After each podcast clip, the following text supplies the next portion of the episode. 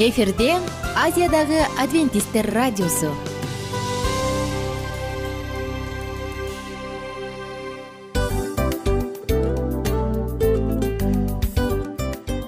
Достор салют. Баардык сүйүктүү угармандарыбызга салам айтабыз. Кутман күнүңүздөр менен. Ден соолук өмүрдүн булагы демекчи саламат саамы программасында баарыңыздарды көргөнүбүзгө абдан кубанычтабыз. Анда алгач амандашып өтөлү арбаңыздар деп. Ден соолугуңуздар кандай элибизде көбүнчө ден соолук кандай дегенде эле жакшы деп жооп беребиз э? ооруп турсак дагы жакшы дейбиз. Анан мен муну айтып ойлойт элем бул абдан сонун сөз депчи анткени бул жакшы деген үмүт да э ооба баары жакшы болот. Баары сонун. Деп үмүттөнүп атып эле өзүбүздү өзүбүз дарылап коебуз. Анысы кандай? Сиздин дагы ден соолугуңуз жакшы беш деген үмүттөбүз чындыгында ден соолук бул өмүрдүн булагы деп бекеринен айтылган эмес деп ойлойм. Кыргыз элинде анткени эгерде ден соолук жок болсо анда адамдын жашоосунда калган баардык керектүү маңыздуу нерселер өзүнүн баалуулугун жоготуп коет. Ошондуктан ден соолук бул эң керектүү нерсе. Ооба туура айтасың кесиптешим. Чынында ден соолугуң жок бир эки үч күн ооруп калсаң эле э кандай болуп калат? Жашоодо көз каранды болуп каласың көп нерсеге жетишпей каласың көп нерсени кыла албай каласың жада калса эшикке дүкөнгө да чыга албай каласың. Туптуура анан ден соолук болсо демек биз биздин бактыбыз тоодой деп койсок болот. Анда достор саламат саамы рубрикабызды баштайлы. Алдыда өзүңүзгө керектүү болгон сонун кеңештерди уга аласыздар. Мына ошондуктан биз менен бирге болуңуздар. Ал эми биз болсо милан жана айнура. Кеттик алга. Алга саламат саама ден соолуктун жарчысы. Саламат саама ден соолуктун ачкычы. Күн сайын сиз үчүн мыкты кеңештер сонун жаңылыктар кызыктуу фактылар. Биздин рубрикада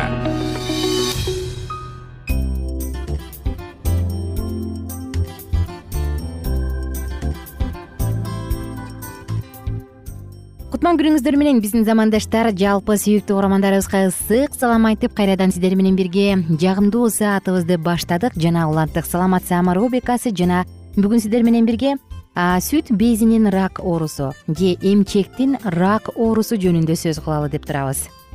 Бул тема сизге дагы кызык болсо анда биздин жыштыгыбызга кош келиңиз деп чакырабыз жана албетте радионун үнүн өктөмүрөөк чыгарып калемсап кагазды даярдап туруңуз. Анткени тилекке каршы азыркы учурда аялдар арасында кеңири жайылган оорулардын бири эмчек рагы болуп туруп атпайбы э. Ал эмес дал ушундан өмүрүнөн айрылган айымдар дагы жок эмес.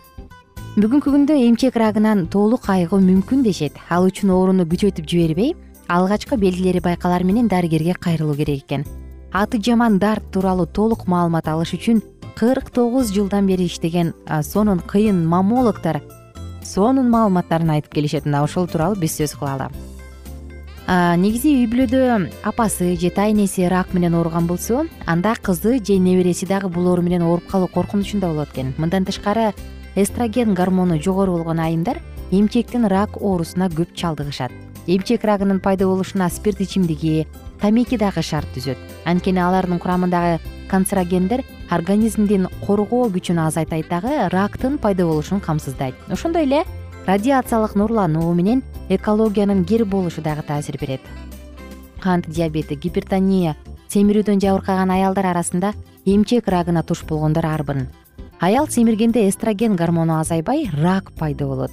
Көпчүлүк учурда мастопатия деген эмчек оорусу рак оорусунун пайда болушуна бирден бир себеп болуп келет андан ары негизи эмчек рагына кабылгандардын көпчүлүгү оору өтүшүп акыркы стадияга жетип калганда гана келишет экен анткени башка оорулардай болуп адамдын жанын кыйнап оорутпай туруп эле бат эле башталып кетет. Андыктан ар бир аял ден соолугу сак болуш үчүн аз убактысы кандай болбосун аз убактысын аянбай өзүн өзү текшере турганы жакшы. Ал үчүн күзгүнүн алдына туруп эмчек безинин формасын жана тери менен үрптүн тышкы көрүнүшүн караш керек андан кийин колду жогору көтөрүп эмчек безин алды жагынан жана эки капталын текшерип үч манжа менен эмчектин үстүн бастып андан кийин ар бир үрптү сөөмөй жана баш бармак менен сыгып суюктук чыгып же чыкпасын байкоо зарыл эмчектин тегерегин кол менен сыйпалап тери алдынан дөмпөкчөнүн бар же жок экенин текшерүү керек.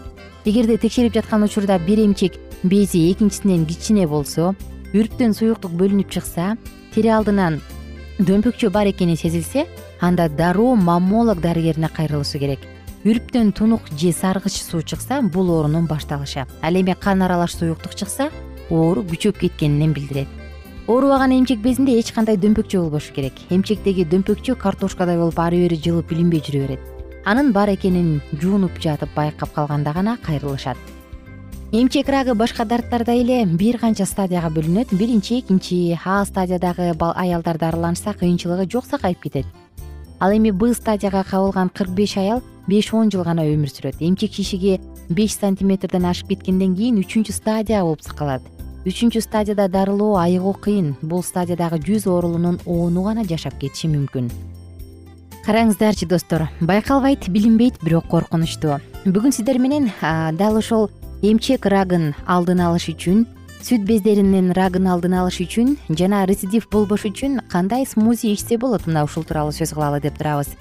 Көбүнчө батыш өлкөлөрдө жашаган аялдарда абдан көп кеңири кездешет. Ушундай эмчектин рак оорусу. Буга көбүнчө эт шарап жана мейли кичинекей өлчөмдө болсун бирок баары бир бул нерселер бул эмчек рагынын пайда болушуна алып келет дешет. Тескерисинче сульфарафан брокколинин курамындагы сульфарафан катышкан дал ушундай заттар бар азык түлүктөр. Дал ушул рак клеткаларынын көбөйүшүн алдын алат дешет. Мындай изилдөөгө бир нече аялдар катышкан. Алардын баардыгы тең брокколи жана түстүү капусталарды күнүгө колдонушкан ак качандуу капустаны колдонушкан дагы алардын баардыгында тең эмчек рагына чалдыгуу коркунучу төмөн экендиги байкалып келген. Достор бүгүн сиздер менен бирге клубника жөнүндө дагы алдыда сөз кылабыз. Анда эгер кызык болсо биз менен бирге болуңуздар демекчимин. Эгерде сиз жумасына жок дегенде үч жолу иче турган болсоңуз биз айта турган смузини эмчектин ден соолугу саламаттыгы үчүн деп аталган смузини. Анда сизде рак оорусуна каршы кабылуу коркунучу төмөн болот же рецидив же кайра кайталанбайт анда жазып алыңыз калемсап жана кагаз алыңыз дагы жазып алыңыз. Сизге керектүү бир качан брокколи бир чашка клубника кулпунай бир чашка соя сүтү. Брокколини он мүнөттөй кайнатып алыңыз.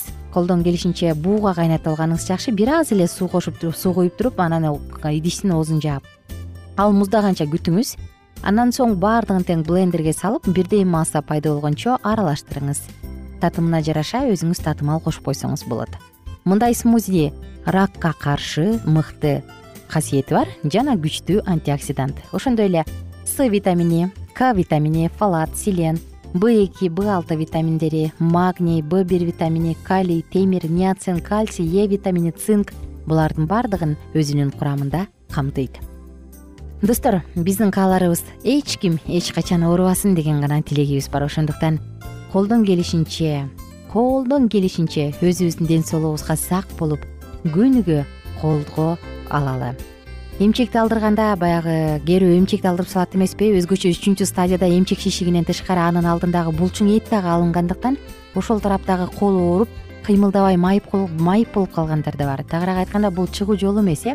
Жаны кыйналып турган адамда балалуу кыйын дагы болуш да кыйын. Мунун айынан жакшы жашап кеткендер аз өмүрү кыска болуп бир канча жылдан кийин эле каза болуп калгандар дагы бар.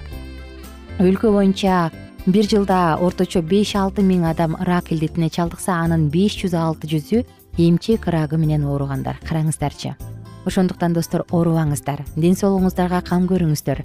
Сөзсүз түрдө дары дармекке акча короткончо витаминдүү тамак аштарга акча короткон албетте бул акылмандуу сиздер менен коштошом. Кийинки уктуруубузда кайрадан амандашып саатыбызды улантабыз. Ага чейин сак саламатта туруңуздар.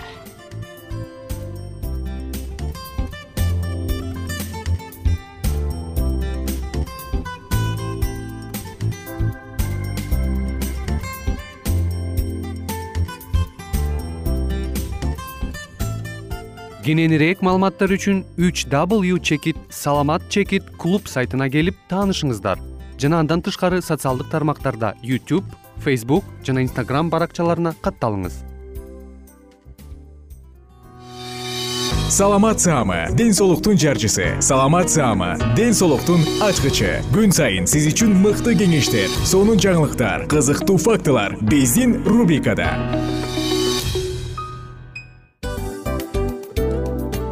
Салам достор.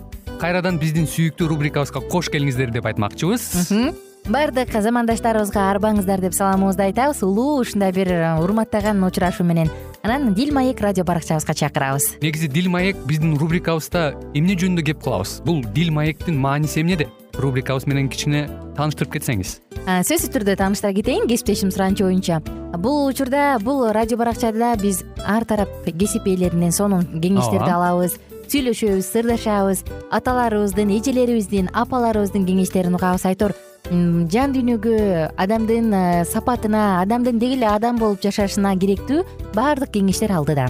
Негизи э, дил маек дегенде баягы эки адамдын ортосундагы сырдашуу кенен сүйлөшүү. Негизи эле биз адамдар бири бирибиз менен бир жерге жай жерге отуруп алып өзүнчө тынч э, жашоо жөнүндө өмүрүбүздө эмне болуп атканын бөлүшкөнү жакшы көрөбүз э адамдар. Ооба туура айтасың анан э, мындай учурга кээде убакыт да жетпей келет э? Же болбосо сырыңды кайгыңды муңуңду кубанычыңды айткың келет а адамга ишенбешиң мүмкүн. Ооба. А бул радио баракча угармандарыбыздын чыныгы досу. Анткени бизден алган кеңеш сиздин жашооңузга чоң жардам берет. Ал эми сиздин бизге айта турган сөзүңүз ортодо гана сыр бойдон калат. Ошондуктан биздин дил маек рубрикабызга дагы бир жолу кош келиңиздер. Жана биз даярдаган маалыматтарга даяр болуңуздар. Айнура жана милан сиздер менен бирге алдыга кеттик ар түрдүү ардактуу кесип ээлеринен. Алтын сөздөр жүрөк ачышкан сыр чачышкан сонун маек. Дил маек рубрикасында.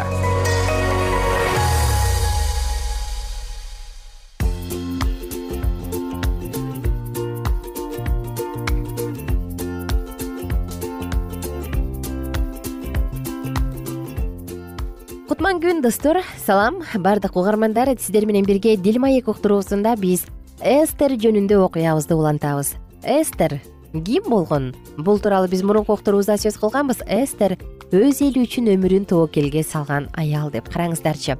Бир аз эске сала кетсек эстер жетим кыз. Ал абасы мардахейдин колунда чоңойгон анан аны персияга алып келип ал жакта ал падышанын келинчеги падышанын жубайы ханзада болгон ал жакта ушул падышанын канцлери аман жүйүт элин абдан жаман көрүп мардахейди жаман көргөндүктөн аларды толук бүт баарысын кырып жок кылыш үчүн ар кандай ыкмаларды ойлоп таба баштайт. Жүйүт эли жанын сактоону ойлонуп атат. Мардахей болсо эстерге келип бир гана сен жүйүт элин сактап кала аласың. Падышанын алдында өз элиң үчүн арачылык кыл деген өтүнүч менен келип атат. Эми андан ары улантабыз. Эстер достор өзүнүн алсыз аял экенин түшүнөт ал өз күчү менен эч нерсе кыла албайт. Жардам теңирден ысрайылдын кудайынан гана келет. Ошол себептен кудайдын тактысына жакындоо үчүн ал үч күн үч түн сыйынууну чечет. Жетимиш эки саат бою сыйынуу үзгүлтүксүз уланып жатты. Эстер кудайдын жетегине муктаж экенин түшүндү. Бул тапшырма теңирден берилгенине анын көзү жетиши керек. Сыйынууга берген жообунда кудай өзүн ачып берейби ишке киришүү үчүн ага кайраттуулук жана акылмандык абдан керек. Сыйынууга берген жообу катары ачылып берген кудайдан башка ким ага эң жакшы кеңеш бере алмак. Андан соң мыйзамга каршы келсе да падышага барайын. Өлсөм өлөрмүн. Өкчөмө таш ыргытылды ал өзү басып өткөн көпүрөлөрдүн баарын өрттөдү. Жаш аял тараза чөйчөгүнө ошол кездеги абалын келечегин өз өмүрүн койду. Баары өз эли үчүн жасалды. Сыйынып бүткөндөн кийин ал мүмкүн болушунча жасанып алып падышага жөнөдү. Падыша мамлекеттик иштер менен алек болуп тактысында отурса керек. Эстерди көрүп аны эркелете карап ага өзүнүн алтын таягын сунду. Бул анын жашоосу коопсуз экендигинин белгиси эле. Анан мындай деди. Эстер ханыша сага эмне керек кандай өтүнүчүң бар? Ал турсун сага жарым падышачылык да берилет сыйынуунун биринчи бөлүгүн кудай укту эстердин өмүрүнө коркунуч туулбайт. Кудай анын элинин куткарылышы үчүн эшик ачты. Бирок ал кудайдан акылмандыкты бекер сурабаптыр ал эң негизги өтүнүчтү айтууга убакыт келе электигин ал өтүнүчтү айтууга бул жер ылайыктуу жер да эмес экенин сезип турду абалды түшүнгөндүгүнөн анын акылдуу сезимдерин башкара билген шашылыш чечим чыгарбаган аял экени көрүнүп турат. Ал эркектин жүрөгүнө карай жол кээде ашказанына аркылуу өтөрүн да билет. Ошондуктан муну да чеберчилик менен колдонуп падышаны тойго чакырды. Падышанын өзүн эле эмес аманды да кошо чакырды. Тойдун учурунда падыша кайрадан кандай өтүнүчүң бар? Өтүнүчүң аткарылат деди. Эстер дагы күттү ал кудайдын жардамын күттү.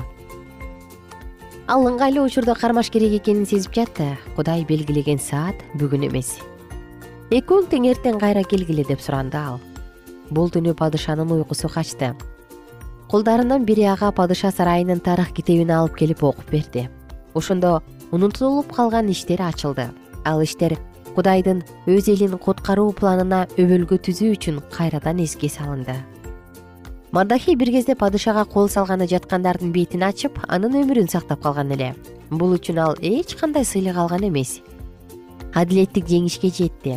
Унутта калган нерсени ордуна келтирип кетирилген катаны оңдоо бийиктиги элүү чыканак болгон жыгач мамы даярдатып ал мардахийди асып өлтүрүүнү буйруган аманга тапшырылды. Эртеси эстер той учурунда падышага өтүнүчүн айтты ал падышадан өз элинин өмүрүн ошондой эле өз өмүрүн сактап калууну суранды. Эгерде биз кулдукка күңдүккө эле сатылган болсок анда мен унчукпайт элем бирок душман падышанын жоготуусунун ордун толтура албайт деди ал. Жүйүттөрдүн эле өмүрү эмес. Падышанын жашоосу да тобокелге салынат анткени кудайга каршы чыккан адам катуу жазаланат кудай жүйүт элин көзүмдүн кареги деп атаган. Ал аны коргойт сактайт. Бул элге жамандык кылган бир да адам ал тургай падыша да жазасыз калбайт. Эгер аны ушул жазадан коргогусу келдиби эстер анын акылмандык менен туура айтылган сөздөрү падышанын көңүлүн өзүнө бурду. Эстер максатына жетти мындай кылууга батынган неме ким? Ал кайда деп сурады падыша каарданып эстер падыша жана анын кызматчылары менен бирге дасторкондо тамактанып жаткан падышанын канцлери аманды көрсөттү. Ушул кыянатчыл аман деп жооп берди ал. Эми баары түшүнүктүү болду. Амандын үйүнүн жанындагы жыгач мамы мардахийди асып өлтүрүү үчүн даярдалып жаткандыгы да түшүнүктүү болду. Падыша айоо дегенди билген жок. Мардахий үчүн даярдалган ушул жыгач мамыга өзүн асып салгыла деп буйруду падыша бул буйрук создуктурулбастан аткарылды. Аманды эскертишкен анын аялы менен досторунун айтканы туура чыкты. Мардахей жүйүттөрдүн тукумунан чыкса да чыкса анда ага күчүң жетпейт анын алдында кулап калат окпойсуң деген эле алар. Аман акылдуураак болсо өз уруусунун тарыхынан сабак алмак кудай амалыктарга каршы эле анткени алар анын элине каршы болчу жек көрүү коркунучтуу сезим. Көбүнчө бул жүрөгүндө жек көрүүнүн өрчүшүнө жол берген адамдын өзүнө каршы багыт алат. Жаңы келишимде машаякчылар дүйнөнүн жарыгы болуулары керек экендиги жөнүндө айтылат. Эстер дал ошондой жарык. Анын аты жылдыз дегенди түшүндүрөт. Достор биз кийинки уктурууда ушул эстер жөнүндөгү окуябызды жыйынтыктайбыз. Андан ары эмне болот? Кызыкпы? Анда биз менен бирге болуңуздар а мен болсо сиздер менен коштошом убактылуу гана. Күнүңүздөр көңүлдүү жана сонун маанайда өтсүн. Ар бир күн сиздерге жемиштүү жеңиштүү жагымдуу күндөрдөн болсун. Кайрадан амандашканча бар болуңуздар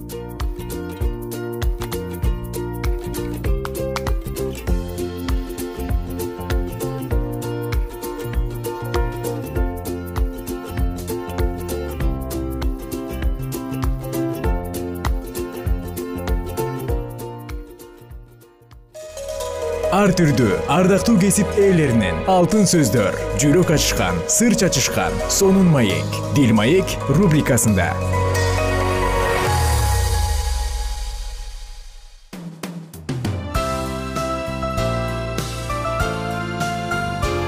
Эфирде азиядагы адвентисттер радиосу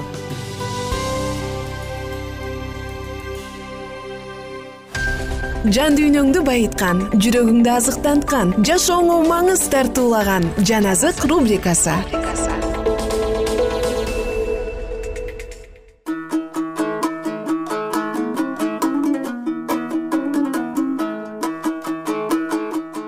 Салам достор салам баардык угармандарыбызга ысык салам айтабыз. Сагынычтуу жана кайрадан сиздер менен жан азык уктуруусун улантабыз. Достор жан азык уктуруусунда жалпыңыздарга эле маалым болгондой биз даниэль пайгамбарчылык китептеринен даниэль китебин окуп жатканбыз. Бүгүн андан ары уланталы. Даниэль китеби онунчу бөлүм. Персия падышасы корештин падышачылыгынын үчүнчү жылында белтешатсар деген да даниэль бир аян алды. Бул аян чындык эле жана чоң күчкө ээ эле ал бул аянды түшүндү. Бул көрүнүштү баамдады бул күндөрү мен даниэль үч жума кайгыга баттым. Үч жума өткөнчө даамдуу тамак жебедим. Эт менен шарапты оозума албадым. Жыпар жыттуу майлар менен майланган жокмун. Ал эми биринчи айдын жыйырма төртүнчү күнү мен тигир деген чоң дарыянын жээгинде элем. Башымды көтөрүп зыгыр кездемеден кийим кийген белин упаздын алтыны менен курчаган бир кишини көрдүм анын денеси топаз ташындай. Жүзү чагылгандай көздөрү күйүп турган чырактай. Колдору менен буттарынын көрүнүшү жалтылдаган жездей үнү топ адамдын үнүндөй экен. Мен даниэль бул көрүнүштү жалгыз мен көрдүм. Менин жанымдагы кишилер бул көрүнүштү көрүшкөн жок. Бирок аларды чоң коркунуч басты алар жашыныш үчүн качып кетишти мен жалгыз калып бул улуу көрүнүштү карап турдум. Бирок күч кубаттан тайдым. Өңүм абдан бузулду. Шайым кетти. Анан мен анын үнүн уктум. Анын үнүн укканымда өзүмдү жоготуп жүз төмөндөп жыр кылдым жерде бетим менен жаттым.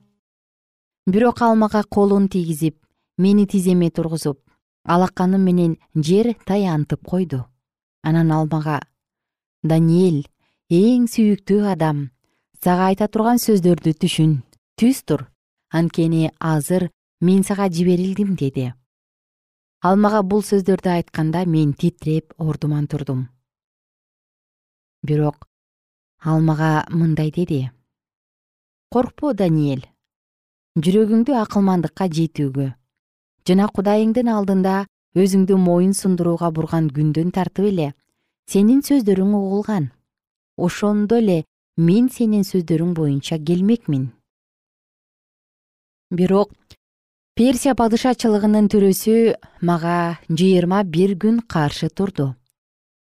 Башка төрөлөрдүн бири михаэль мага жардам бериш үчүн келгенге чейин мен ошол жерде персия падышаларынын жанында кармалып калдым. Азыр болсо сага акыркы күндөрү сенин элиң эмне болорун билдиргени келдим анткени көрүнүш акыркы күндөргө тиешелүү. Ал мага ушундай сөздөрдү айтып жатканда мен жүз төмөндөп жыгылып сүйлөй албай калдым. Бирок ошондо адам баласына окшогон бирөө оозума колун тийгизди. Мен оозумду ачып сүйлөй баштадым. Анан алдымда турганга мындай дедим. Мырзам бул көрүнүштөн менин ички дүйнөм аңтарылып кетти алсырап калдым. Мырзам мен сенин кулуң сендей мырза менен кантип сүйлөшө алат? Анткени менде күч жок демим чыкпай калды. Ошондо адам баласына окшогон ал кайрадан колун тийгизип мага күч берди. Анан мындай деди. Коркпо эң сүйүктүү адам. Сага тынчтык болсун. Кайраттан кайраттан! Ал мени менен сүйлөшүп жатканда мен күчүмө кирип сүйлөй бер мырзам анткени мен сага сен мага күч бердиң дедим. Ошондо ал мындай деди. Мен сага эмне үчүн келгенимди билесиңби азыр мен персия төрөсү менен салгылашканы жөнөйм. Мен кеткенде грециянын төрөсү келет. Ошондой болсо да мен сага чыныгы жазууда эмне жазылганын билдирем. Аларга каршы салгылашта мага силердин төрөңөр михаэлден башка жардам бере турган эч ким жок даниэль он биринчи бөлүм. Падышачылыгынын биринчи жылынан тартып мен мадайлык дарийдин таянычы жана тиреги болдум. Азыр сага чындыкты билдирейин. Персиядан дагы үч падыша чыгат. Төртүнчүсү эбегейсиз байлыгы менен баарынан ашып түшкөн падыша болот. Ал байлыгы менен күч алганда бардыгын греция падышачылыгына каршы көтөрөт андан кийин күч кубаттуу бир падыша чыгат. Ал зор күчү менен бийлик жүргүзөт өз эрки менен иш кылат. Бирок ал падыша чыкканда анын падышачылыгы кыйрап төрт бөлүккө бөлүнөт. Падышачылык анын тукумуна өтпөйт. Бийлик мурунку күчүн жоготот. Анткени анын падышачылыгы бөлүнүп кетет. Падышачылык алардан башкаларга өтөт. Анан түштүк падышасы күч алат. Бирок аны өзүнүн төрөлөрүнүн бири жеңип чыгып бийлик жүргүзө баштайт. Анын бийлиги зор болот. Бирок бир нече жылдан кийин алар бири бирине жакындашат. Өз ара тынчтык мамилесин түзүш үчүн түштүк падышасынын кызы түндүк падышасына келет. Бирок түштүк падышасынын кызы күчүн жоготот. Анын тукуму да туруштук бере албайт. Ал өзү да анын жандоочулары да анын баласы да ошол учурда ага жардам бергендер да чыккынчылык менен өлтүрүлүшөт. Бирок анын тукумунан бир адам чыгып аскерлерге келип түндүк падышасын чептүү шаарына кирип салгылашып жеңет. Ал турсун алардын кудайларын алардын жасалма кудайларын кымбат баалуу алтын күмүш идиштерин мисирге алып кетет. Ал бир нече жыл түндүк падышасынан жогору турат ал түштүк падышасынын падышачылыгына чабуул коет бирок өз жерине кайтып келет. Андан кийин анын оолдары куралданып көп сандаган аскер жыйнашат алардын бири ыкчам келип кыяндай каптап өтөт. Кайра келе жатканда түштүк падышачылыгы менен анын чептүү шаарына чейин салгылашып жүрүп отурат. Түштүк падышасы каарданып түндүк падышасы менен салгылашканы чыгып сансыз аскерин коет. Бирок аскер түштүк падышасынын колуна салынып берилет.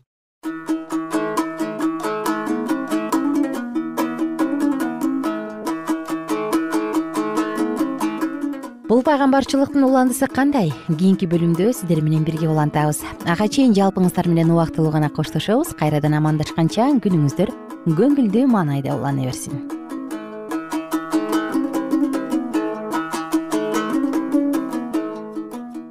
эгер сиздерде суроолор болсо же көбүрөөк маалымат билем десеңиз анда биздин whatsapp номерибизге жазыңыз. Плюс бир үч жүз бир жети жүз алтымыш алтымыш жетимиш. Кайрадан плюс бир үч жүз бир жети жүз алтымыш алтымыш жетимиш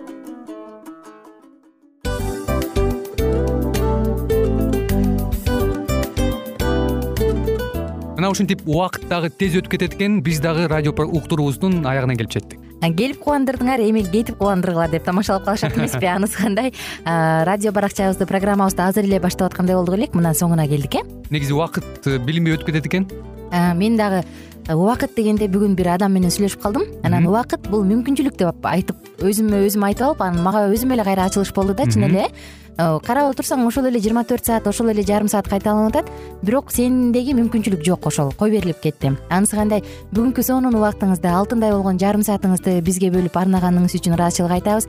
Анан жашооңуздун кайсы бир сферасын өзгөртө турган сонун пайдалуу кеңеш алган болсоңуз анда биз максатыбызга жеттик. Анан ушул нерсени кылбасам десеңиз ошол өзгөрүүлөрдү кичинекей кадамдардан баштап иш жүзүнө ашырыңыз дагы жашооңузда чоң чоң ийгиликтерге жетиңиздер чын жүрөктөн ар бир берилген кеңештер сөздөр сиздерге пайдасын алып келет деп ишенебиз. Жана кийинки уктурууларда сөзсүз түрдө чыдамсыздык менен сиздерди күтөбүз. Сагынычтуу салам айтып кайрадан дал ушул жыштыктан баардыгыңыздарды тосуп алганча. Кызматта мен айнура жана кесиптешим милан анда кол пул жалпыңыздарга ийгиликтүү күн. Саламатта калыңыздар